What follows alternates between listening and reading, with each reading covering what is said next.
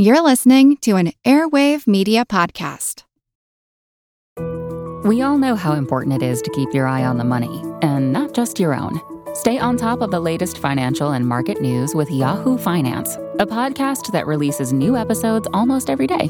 You'll hear a brief overview of the biggest news in the financial world, all in three minutes or less, right after markets close. Check out Yahoo Finance wherever you get your podcasts. That's Yahoo Finance wherever you get your podcasts. This is Kick Ass News. I'm Ben Mathis. Support for today's show comes from Citizen. Isn't it time you saw the light? Citizen makes watches that are powered by light, any light, and will never need a battery. So stay on time with Citizen's collection of Eco-Drive watches. They're for just about everyone who prefers to be on time. Visit citizenwatch.com slash podcast for more. That's citizenwatch.com slash podcast. If you're an entrepreneur, a small business owner, or even if you have a side gig, let me introduce you to Grasshopper, the entrepreneur's phone system.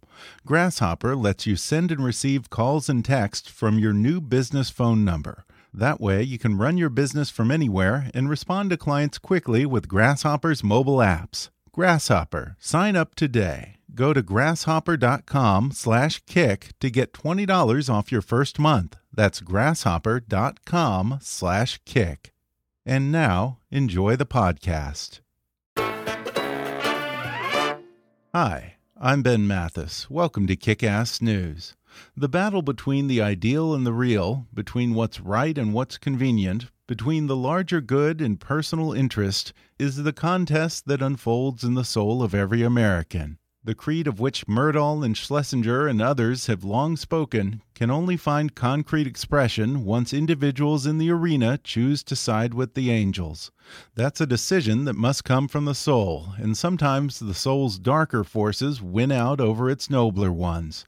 The message of Martin Luther King Jr., that we should be judged on the content of their character, not on the color of our skin, dwells in the American soul. So does the menace of the Ku Klux Klan. History hangs precariously in the balance between such extremes. Our fate is contingent on which element, that of hope or that of fear, emerges triumphant.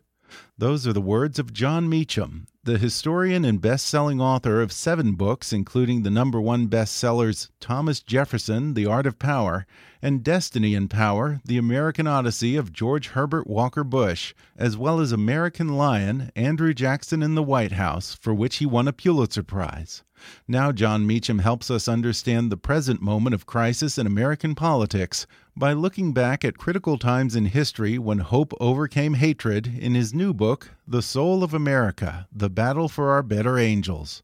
Today, Jon Meacham joins me on the podcast to reveal how his latest book was born out of the dark days following Charlottesville and how Make America Great Again is not such a huge leap from the so called glorious lost cause movement of the Reconstruction era.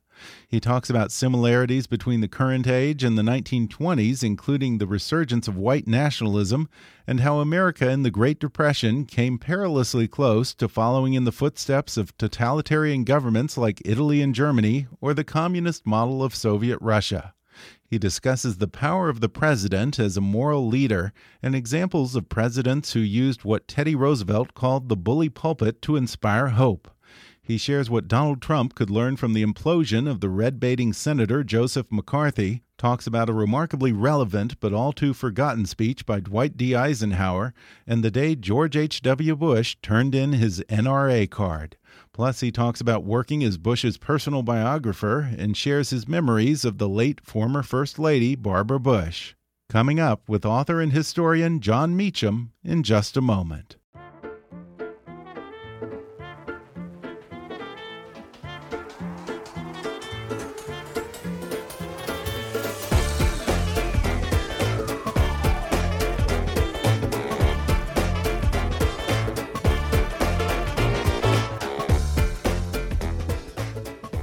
Jon Meacham is a Pulitzer Prize winning presidential historian, a contributing writer for the New York Times Book Review, and a contributing editor of Time magazine. He is the author of the New York Times bestsellers Destiny and Power, The American Odyssey of George Herbert Walker Bush, Thomas Jefferson, The Art of Power, American Lion, Andrew Jackson in the White House, American Gospel, and Franklin and Winston. His latest offering is titled The Soul of America The Battle for Our Better Angels. Jon Meacham, thanks for coming on the podcast. Thank you. Well, I've enjoyed all of your books, and I particularly enjoyed this latest one. I want to ask you about the title, The Soul of America. Now, the concept of a soul is so elusive, so how would you articulate the soul of the nation? Well, soul in Hebrew and in Greek means life, it means breath. And so it's really the center, it's who we are. And I think sometimes people say, oh, you know, the American soul is X or Y, usually whatever they want it to be. My view is it's the arena in which our experiences find expression, and it's a it's a arena which has room for both Martin Luther King and tragically for the Ku Klux Klan.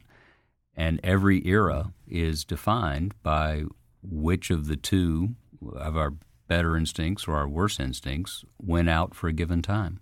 And of course, the better angels part is a reference to Lincoln's first inaugural address. When he talked about the better angels of our nature, how did that speak to his ideas about the American soul?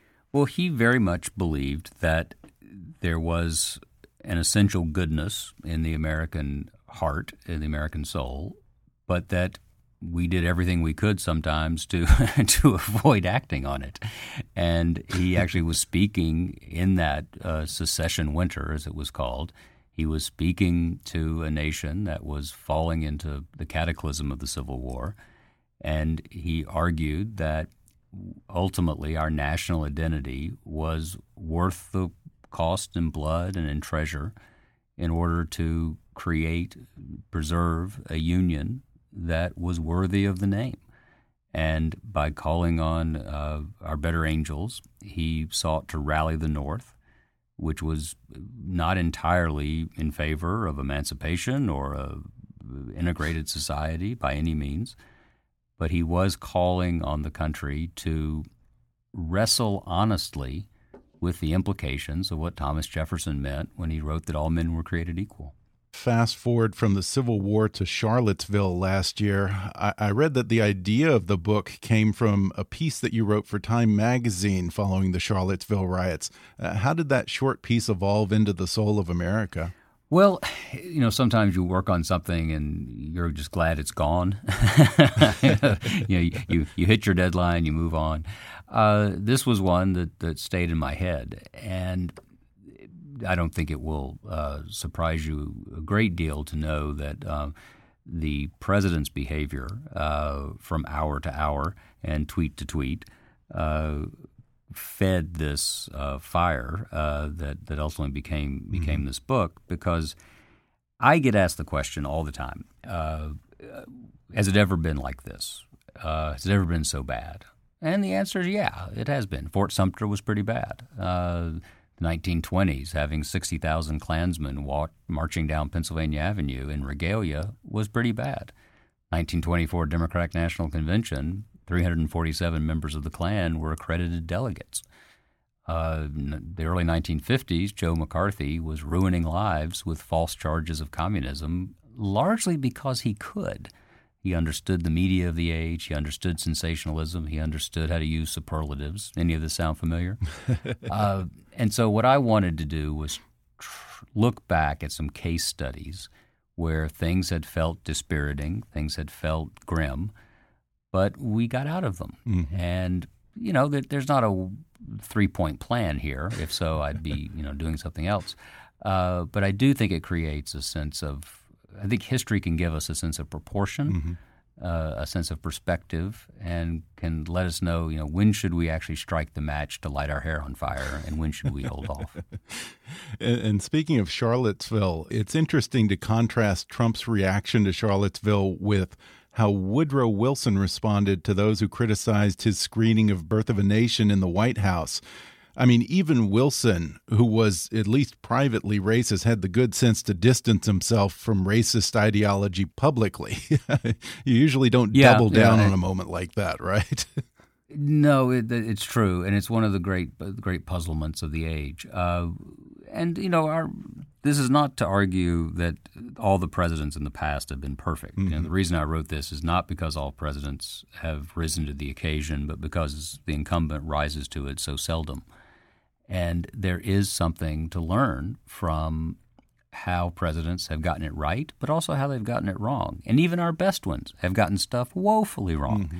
Franklin Roosevelt is one of the great figures in American or world history, and yet he signed the Executive Order 9066 interning Japanese Americans amid the wartime hysteria after Pearl Harbor. So nobody's perfect. Uh, the question is is their heart in the right place? And do they believe in a vision of the country that's about adding to our strength, embracing diversity, or are they about catering to a particular base, a particular audience to survive the next election? Oftentimes, presidents are swayed by some moral crusader of their era or someone who serves as the conscience of the president. Uh, I'm thinking Teddy Roosevelt and Jane Addams on women's suffrage, Lyndon Johnson and MLK mm-hmm. on civil rights. Uh, FDR had Eleanor Roosevelt. Is there anyone on the scene today who plays that role or has the potential to play that role for the president? Oh Lord, I wish there were. I wish there were. Uh, no evidence of it. Mm-hmm. Um, you know, I think Jim Mattis is doing everything he can at the Pentagon to, to hold things together. Uh, I think there are a lot of people who uh, have thought of themselves as the Trump whisperer, um, and they're all now spending all their money on legal bills. Um, so I, you know, so far no, but uh, you know, redemption is always possible. Mm-hmm. You know, this has been the most surprising political era in in long memory, and so there's no reason that uh, it couldn't be surprising in its conclusion. Um, I've I've sometimes thought that the final act of this whole thing is going to be Trump pardons himself on Twitter uh, at the end, but um, you know. Uh, he is president. Uh, there's a significant portion of the country that believe that he has their cares and concerns at heart. And we are facing a stress test for democratic republicanism that's as significant as anything since the 1930s. Mm -hmm. Well, I do remember a couple of weeks ago when Bill Gates sat down with him. And as I recall, he presented it to the president. Wouldn't you rather be the president who helped come up with universal immunizations? Um, so the opportunity is there for him to be a little bit of the Trump whisperer or moral authority. Exactly. But for that to happen, the, the person in the White House has to actually be willing to listen, I guess. well, absolutely. And, you know, whenever I'm lucky enough to talk to people who are in office, I, I have what I call the oil portrait test. and I'll say, you know, what do you want us to think when we look at your oil portrait? And it works because none of them can imagine a world in which they don't have an oil portrait. Uh, so, so the, it, it, it, it has its uh, uses. I, I, don't I don't really understand actually. I guess I do, but at least in, in a superficial way. I don't understand why that's not more evident uh, to the president. He's living in a house where there are lots of portraits, um, and you know he he he has a you know. Superficial grasp of of great presidents. You know, he he loves World War II generals, and I think has a you know again a, it may be very superficial, but it's common sense that you would want to be thought well of, not simply in the moment, mm-hmm. but in the fullness of time. And yet, he has evinced, to my mind, no interest uh, in what posterity will say of him. it's almost as though he he loves the fight so much that he can't see beyond this round. I want to go back to this idea of the oil portrait test because I'm really interested in that. Um, you've, I suppose, met a number of presidents over the years. Uh, tell us what those oil portraits say about them. Well, I mean, you look at Gerald Ford, um, and in 1975 or 76, you would or 77, you would have looked at him and thought, you know, here was this caretaker president. Um, mm-hmm. Now you look at him and you see a quasi Eisenhower figure, someone who pardoned Nixon uh, because he thought it was the right thing to do for the country. Uh, the Kennedy Library honored him for it. Congress honored him for it uh, 25 years later. And you see someone who you can argue about the pardon all you want, but he was putting what he believed to be the national interest ahead of his own interest. Ford had the single largest one day drop in the Gallup poll approval rating in presidential history. Uh, you look at Ronald Reagan. Uh, President Reagan, though now fabled, uh, in real time, you know, Democrats couldn't stand him. They thought he was a, you know, as he once put it, they think I'm Ebenezer Scrooge and the Mad Bomber, uh, all all put together. And now you see this negotiator who understood the Soviet Union, who understood that if you ask for hundred, you settle for fifty, and so he he you know ends up in a in a position where he's really helping the Soviet Union along the glide path to to disintegration. Uh, George H.W. Bush is is one of the great examples of this. Mm-hmm. Uh, he left town with only 37 percent of the country wanting him to be remain president. Um, Ross Perot plus Bill Clinton uh, got well over uh, 60 percent. So here's someone whom we functionally fired in kind of a fit, really. And yet we now look back on him, I think, and you see someone who raised taxes uh, when he thought it was the right thing to do, even though he know he, he, knew he'd pay a political price. Someone who didn't go all the way to Baghdad because he believed that that was beyond the mission.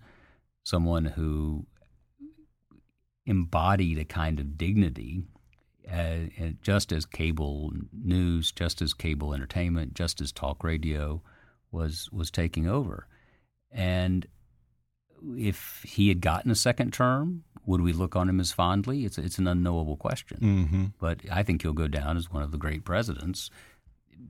Even though he only had four years, he did manage to pack you know eight years of action into it. Uh, yeah, and there's another example that you use toward the end of the book, which is his break with the NRA. What does that yeah. say about him as a president?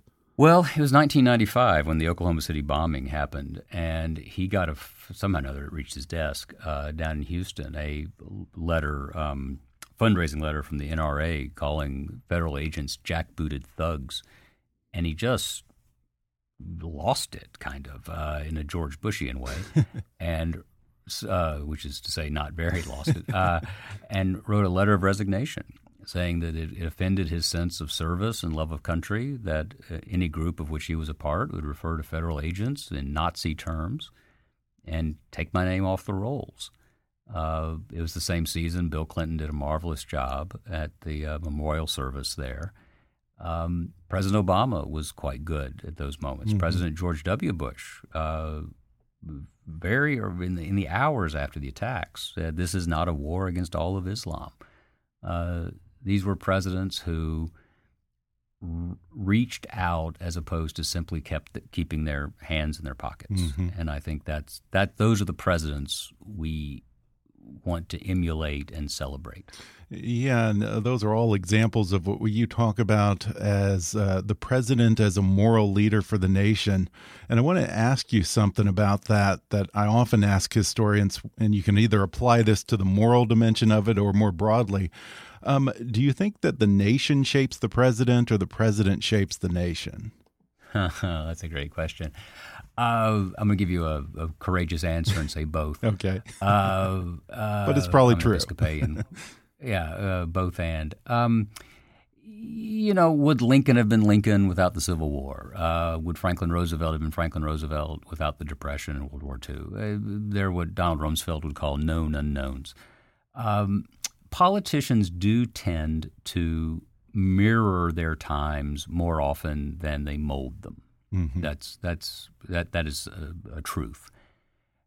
The the oral portrait test, to stick with that, suggests that the people who do manage to mold, even on the margins, are ones who loom largest in history. And we often hear it from presidential historians and from presidents themselves how the office transforms the man, it's always been implied that it's a transformation for the better, that there's some personal growth that takes place over those four or eight years. Has there ever been a case of a president who was made worse for the experience? I think poor old Andrew Johnson, uh, yeah. a fellow Tennessean of mine, uh, falls in that category. Uh, I had always, I hadn't really focused on him much, to be honest with you, until until this project, and and having done a lot of work on him now, I'm, I'm, i wish he were from some other state. Um, he was. Um, you know, he, he, he, said in a state paper that African Americans were genetically incapable of self government. Uh, he gave this wandering, self pitying rant on Washington's birthday one year, uh, talking about how the, the everybody was after him and there was a conspiracy against him and they were trying to assassinate him. You know, he didn't use the phrase deep state, but he might as well have. Um, so Johnson was someone who was not commensurate with the hour. Mm-hmm. Someone who was was Harry Truman, and there was no guarantee of that on the 12th of April, 1945, when Truman became president. And in fact, you know, there are great stories about people around the country, around the world, wondering who was president now because FDR had been imagine imagine someone who'd been president since 2006. Wow. Um, yeah. You know, he, he four terms, uh, 12 years. You know, the, the, the, living memory of almost all of the American soldiers who were projected uh, in forward areas around the world. FDR had been president since they were eight or nine or ten. Uh, so nobody nobody had heard of Harry Truman, and yet he rose to the occasion. And so there's there's the good example and the bad example. And so far, the Trump experience is not a not a great one, uh, but we live in hope. We're going to take a quick break, and then I'll be back with more with author and historian Jon Meacham when we come back in just a moment.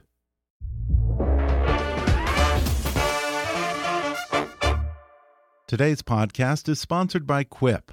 The truth is, most of us are brushing our teeth wrong, not for long enough, or forget to change our brush on time. That's because most brands focus on selling flashy gimmicks rather than better brushing, but not Quip. Quip is an electric toothbrush that costs a fraction of bulkier brushes and packs the right amount of vibrations to clean your teeth. The built in timer and guiding pulses help you clean for the full dentist recommended two minutes.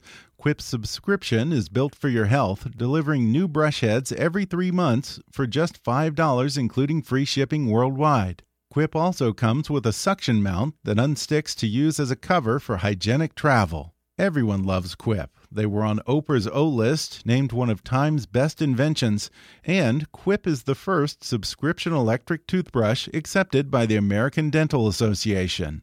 They're even backed by a network of over 20,000 dentists and hygienists and hundreds of thousands of happy brushers. I've been brushing with Quip for a few months, and I love its vibrating timer that makes sure that I brush the right amount so I don't have to wonder. And its suction mount is great for keeping your brush handy and clean. It lets it air out instead of collecting bacteria in some dark drawer. It really is the best toothbrush I've ever had. Quip starts at just $25, and if you go to getquip.com slash kickass right now, you'll get your first refill pack free with a Quip electric toothbrush.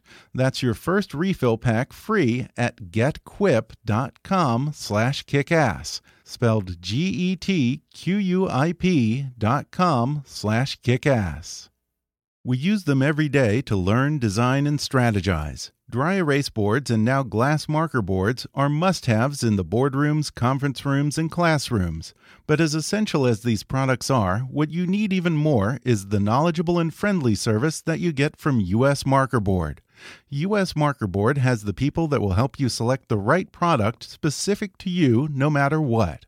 Specializing in custom sizes, graphics, and layouts, U.S. Marker Board is a full service shop with a highly trained staff capable of takeoffs, graphic work, estimating, and more. They're able to handle any request, no matter how large or small. No wonder businesses, colleges, hospitals, and contractors all rely on U.S. Marker Board to help create unique, collaborative spaces from start to finish. Visit usmarkerboard.com today and use the promo code KICK to get 12% off your next order. That's usmarkerboard.com, promo code KICK for 12% off your next order. Come see what US Marker Board can do for you. And now, back to the podcast. Well, I also want to ask you about the presidential oil painting that hangs in Trump's Oval Office because you talk about Andrew Jackson in this book, and of course, you won the Pulitzer Prize for your biography of Andrew Jackson. Both the pundits and the president himself draw comparisons between Donald Trump and Jackson. Are those overstated, or do you think that they're pretty apt? I do think they're overstated. Uh, Jackson, by the time he became president, had been a lawyer, a judge, the first congressman from Tennessee, had twice been a senator, was a general, had run for president and won the popular vote, but then lost in the electoral, lost in the House of Representatives, and so um, he was an experienced political figure. Uh, he also understood his vices and was a good negotiator in part because he knew that people thought he was crazy. Uh, he once, that's a technical historical term, uh, he once said that his only two regrets in public life were that he had not hung Henry Clay and shot John C. Calhoun, who was his own vice president. Uh, but he knew that and, and was able to use it. I think that part of the promise of Trump uh, was that he would use his um, the aura of instability, uh, of unpredictability for the good. I don't think he has yet, but that's it's not impossible. Um, when presidents look back, they almost always see as they wish to be seen. Mm-hmm. And so, whenever a president talks about a predecessor, you can pretty much be sure that they're looking for sanction, uh, really more than inspiration. Um, I've talked to, I've been lucky enough to interview most of the presidents of my lifetime, not all of them, but most of them. And they're all historically minded, but I can't think of an example offhand where, you know, I'll sit down and say, you know, were you thinking about Lincoln when you did X? And they, they never were. Yeah. You know, and, and, you can tell they sort of want to say they had been because it sounds good. uh, but you know, it, it's the in the maelstrom of the office, in the in the the hurly burly of, of decision making. You know, they're basically doing the best they can, and then thinking about it in historical terms often later. You have a chapter in here about Reconstruction, and one thing that was a real revelation to me is the origins of the Ku Klux Klan.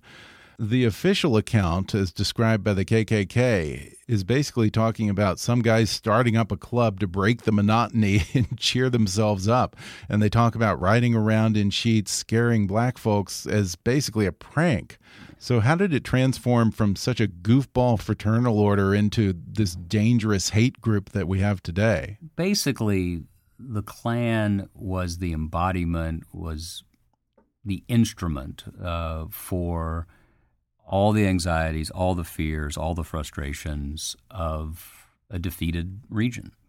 And Southern white Southerners were desperate to have an identity again. Uh, they, they they felt that their way of life, which was based on enslaving other people, uh, had been taken away, and they wanted to reassert some measure of control. And they fell upon this vigilante group. And it was a way to keep African Americans in line at a period when they were, for the first time in American history, those African Americans were receiving civil and legal rights. This is before the dark curtain of, um, of segregation fully fell uh, in the 1870s and 1880s. And so it was it was the means by which a an embittered people tried to reassert themselves, mm-hmm. and they did it with terroristic means. And the KKK began to wane, but then they came back in the 1920s, which for me seems like one of the most similar eras to what we're seeing right now. You have the anti immigrant sentiment, the fear of industrialization, the longing for some mythical golden age. I mean, it seems to me that it's not a huge leap from the lost cause to make America great again. You're exactly right. And there was a Klan, there was a Klan governor of um, Georgia in the 1920s who talked about building a wall of steel uh, to keep out the immigrants. So I don't know if that sounds wow. familiar at all. Um, the 20s are are, are quite similar uh, to, to, what we're experiencing. It was a uh, a time when white working class and middle class people believed that immigration and a changing economy, the agrarian world was disappearing uh, quite rapidly. There was a mass media on the rise in terms of radio, uh, not digital, but it was in the time it was radical and revolutionary.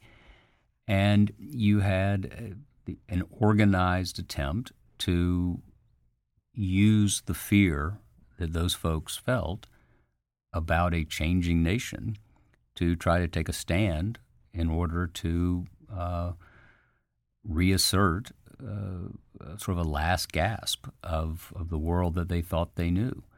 And, you know, there were so many, uh, it was such a broad based movement. I mean, Oregon, Indiana, uh, there was a presence in every state. It wasn't just a Southern thing.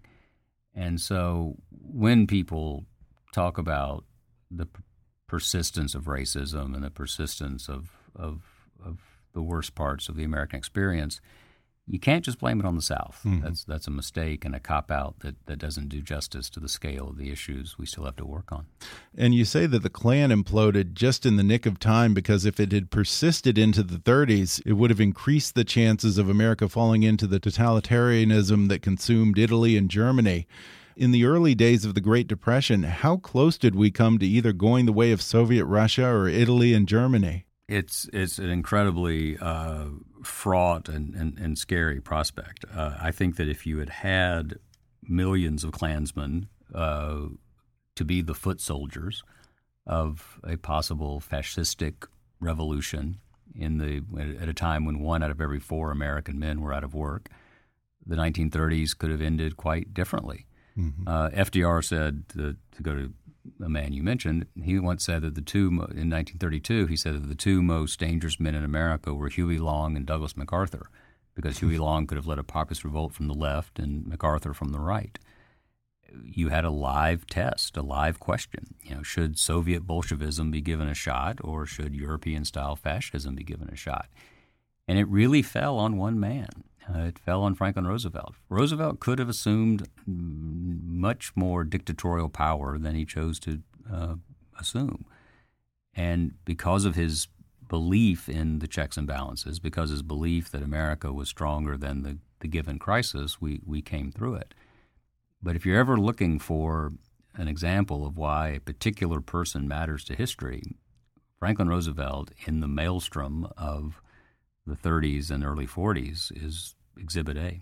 I think at one point, even FDR said that if he fails, presumably with the New Deal, he'll be the last president. Yeah, it was, a, it was inauguration night, uh, March 4th, 1933, and an aide came to him and said, If you succeed, Mr. President, you'll go down as our greatest president. If you fail, you'll go down as our worst. And he looked at him and said, If I fail, I'll be the last. Yeah.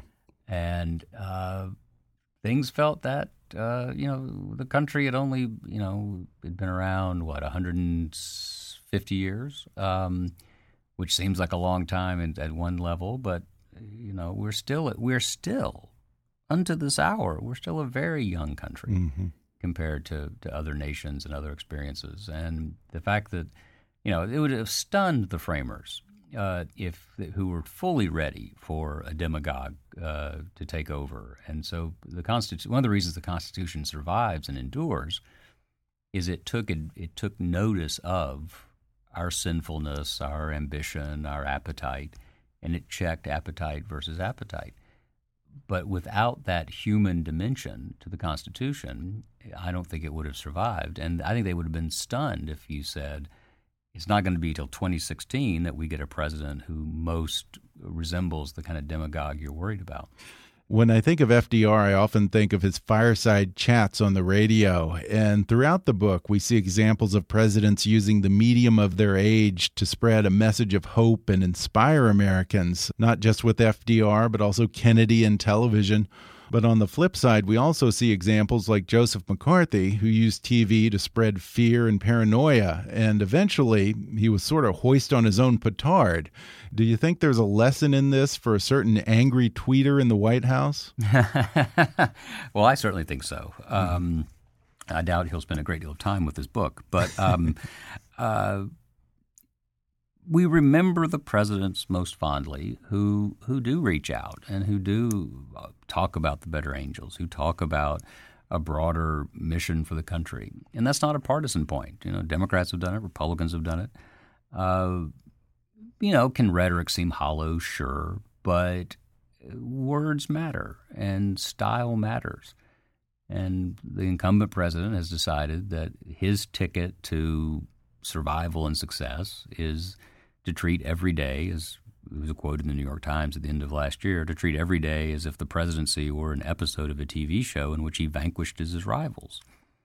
Well, yeah, maybe. I mean, but if, if you're if as president you're simply thinking about destroying your enemies, you're going to get consumed by it. Mm-hmm. Ask Richard Nixon how that worked out. I was just saying how Joseph McCarthy was sort of undone by the very thing that made him television because the two turning points were Edward R. Murrow's expose of McCarthy and a no less powerful televised address by President Eisenhower that's somewhat been forgotten to history. But I think it's extremely relevant to our time. So remind us about that speech. It was April 54. Uh, Eisenhower went down. They had a, something called the broadcast room on the ground floor of the White House. And he sat down and just had notes, uh, didn't use his whole script, and talked about fear. Talked about why the country should choose hope over anxiety, should choose feeling strong over worrying about feeling weak, and said you know, ultimately our ideas make us strongest. Uh, we will defeat the communists. We should not be looking for communists under the bed. And it had its impact because, uh, you know, a Republican president in that time and place was probably more politically well advised to leave McCarthy totally alone and not to maneuver against him, not to even talk about him by implication. And you know, you wish Eisenhower had there was some noble moment where Eisenhower just ripped McCarthy's head off, uh, but there wasn't one. Uh, Ike believed, you know, Ike was a great poker player. In fact, he was so good he had to stop playing in the officer corps because he was winning everybody's money, and they all reported to him. uh, so he he understood the long game. He understood how to um, how to think out four, five, six uh, cards ahead and he believed that as long as he see, as long as he prepared the ground for people to be more confident as opposed to fearful, that McCarthy would ultimately burn out. And interestingly, Joe McCarthy lasted exactly four years, from Lincoln's birthday in 1950 to late 1954, and at that point the fever broke. Well, we've had Joseph McCarthy's and Huey Long's and George Wallace's rise up and then be soundly defeated every time. None of those men ever came close to actually getting in the White House. We now have a man of that mold occupying the highest office in the land. Shouldn't that be more of a cause for alarm than these previous incarnations? Certainly, it's a cause for alarm, uh, and I think that you know one hopes this is a presidential aberration, that this is a mm -hmm. chapter, not a whole new story in the American uh, Chronicle. Uh, and we have to be vigilant. We have to stay in the arena. We have to follow the news, as painful as it has been, tiring as it can be. Uh, but the story of the country is when those far from power bear witness, apply steady pressure from age to age, you know, from it took from 1776 when Abigail Adams told her husband to remember the ladies uh, to 1920 when women could actually vote. It took from the early 17th century until 1965 for people of color to have free access to the ballot box. Um, so we're in a, um, I think, a, a long, we're in the middle of a long story. Mm-hmm. I think that I think that Trump will ultimately end up being a, a, chapter in that.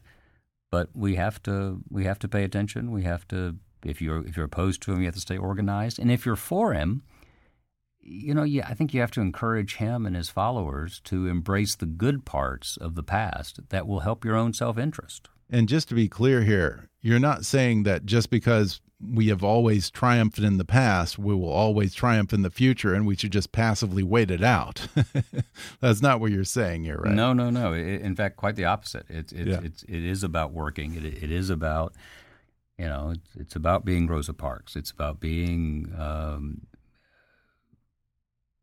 Harriet Tubman. It's, it's about standing strong, bearing witness, and realizing that the work of the country is not the work of a single news cycle. And you actually give some instruction for the resistance based on what American history has taught us. If you don't mind, uh, quickly walk us through those. Sure. I think we have to resist tribalism and we have to listen to each other. We can't simply listen to people we already agree with. I think we have to respect facts. We can't just pick and choose our vision of reality based on our partisan disposition. You know, if there's a contrary fact, take it on board and figure out what to do with it. Uh, I think we have to find a critical balance. I don't think reflexively criticizing uh, the president every time he gets up or uh, reflexively supporting him uh, every time he gets up serves us well. Um, call him, you know, call him as you see him. Mm-hmm. And finally, and this is unsurprising, I, I think we have to keep this history in mind. I think we have to realize that things can go south very rapidly, but they can also improve. And the story of the country, the reason we're in a place where the pressure over immigration is what? It's that people want to come here. So there's an under our underlying fundamentals are are strong and and and and worth protecting. And I think that you know the the current political climate makes it incredibly difficult to stay focused and stay engaged because there's just so much and every human instinct is to just tune it out. Mm-hmm. But that's the last thing we can afford to do. And when I look back at presidents like Teddy Roosevelt, Franklin Roosevelt, Kennedy, George H.W. Bush, of course, I see these men of great privilege who, in spite of their wealth, had profound empathy for the less fortunate and championed the underdog. I don't want to ask you to play amateur psychologist here, but from a historian's mm -hmm. perspective, what's the difference between men like George H.W. Bush and Donald Trump? Why doesn't Trump have that same sense of service and empathy? I don't think there's enough time left in the first term for us to uh, to walk through that. Um, okay. I, I, I, think it's a different character. It's a different mm-hmm. disposition mm -hmm. of heart and mind. Um, President Trump is simply wired a different way. It's mm-hmm. it's a it's a Hobbesian way. It's that everything is the war of all against all. Everything's mm-hmm. a bar fight. Everything is uh, an occasion to score points. And while George Bush was among the most competitive men who ever drew breath, when push came to shove, he always put the national interest ahead of his own, even to his own uh, political detriment. Mm-hmm. And President Trump simply hasn't shown that capacity yet. Let me rephrase it then. Is there something that unites the men like Teddy and Franklin Roosevelt, Kennedy and George H.W. Bush, these men of wealth who still managed to have empathy for the less fortunate? They believed in the theme that to whom much is given, much is expected. Mm -hmm. And there was there are some pitfalls there, right? Um, noblesse oblige, right. Like, you know, so it feels more elective as opposed to more deeply felt. Um, I understand the, the, the left wing critique of that. President Trump simply doesn't. Uh, to yeah. him, to whom much is given, more should be given. the other week, you gave a eulogy at the funeral of the former First Lady Barbara Bush. Before we go, could you share some of your impressions of her? She was honest and loving and steadfast and tough. Um, she wouldn't let you get away with anything. Uh, she'd roll her eyes at you. Uh, uh, if she thought you were putting on airs or or uh, you know snowing her in some way. Uh, absolutely candid uh, and totally in love with George Bush uh, for 75, yeah. 76 years, 77 years, sorry. They met in wow. December of 1941. Yeah. They met three weeks after Pearl Harbor. The Arizona was still on fire at Pearl Harbor when they met she did embody a certain code of service, of duty, of um, candor. Uh, often, uh, I have some scars I could show you uh, from from various candid points. But you know, I called her the first lady of the greatest generation, and I, I believe that. Yeah. Well, I really enjoyed our conversation and I really enjoyed the book. Uh, I encourage people to read it and encourage them to also delve into the notes section because yeah. there are a lot of very important documents that are definitely worth revisiting at this point in our history. Um, once more, the book is called The Soul of America The Battle for Our Better Angels. Jon Meacham, thanks so much for talking with me. This was great. Thank you. Thanks again to Jon Meacham for coming on the podcast. Order his book, The Soul of America The Battle for Our Better Angels, on Amazon or Audible. And learn more about Jon Meacham, including his upcoming book signings, at jonmeacham.com. If you haven't already, be sure to subscribe to Kickass News on iTunes and leave us a review. You can follow us on Facebook or on Twitter at, at KickassNewsPod. And as always, I welcome your comments, questions, and ideas at comments at kickassnews.com. I'm Ben Mathis, and thanks for listening to Kickass News.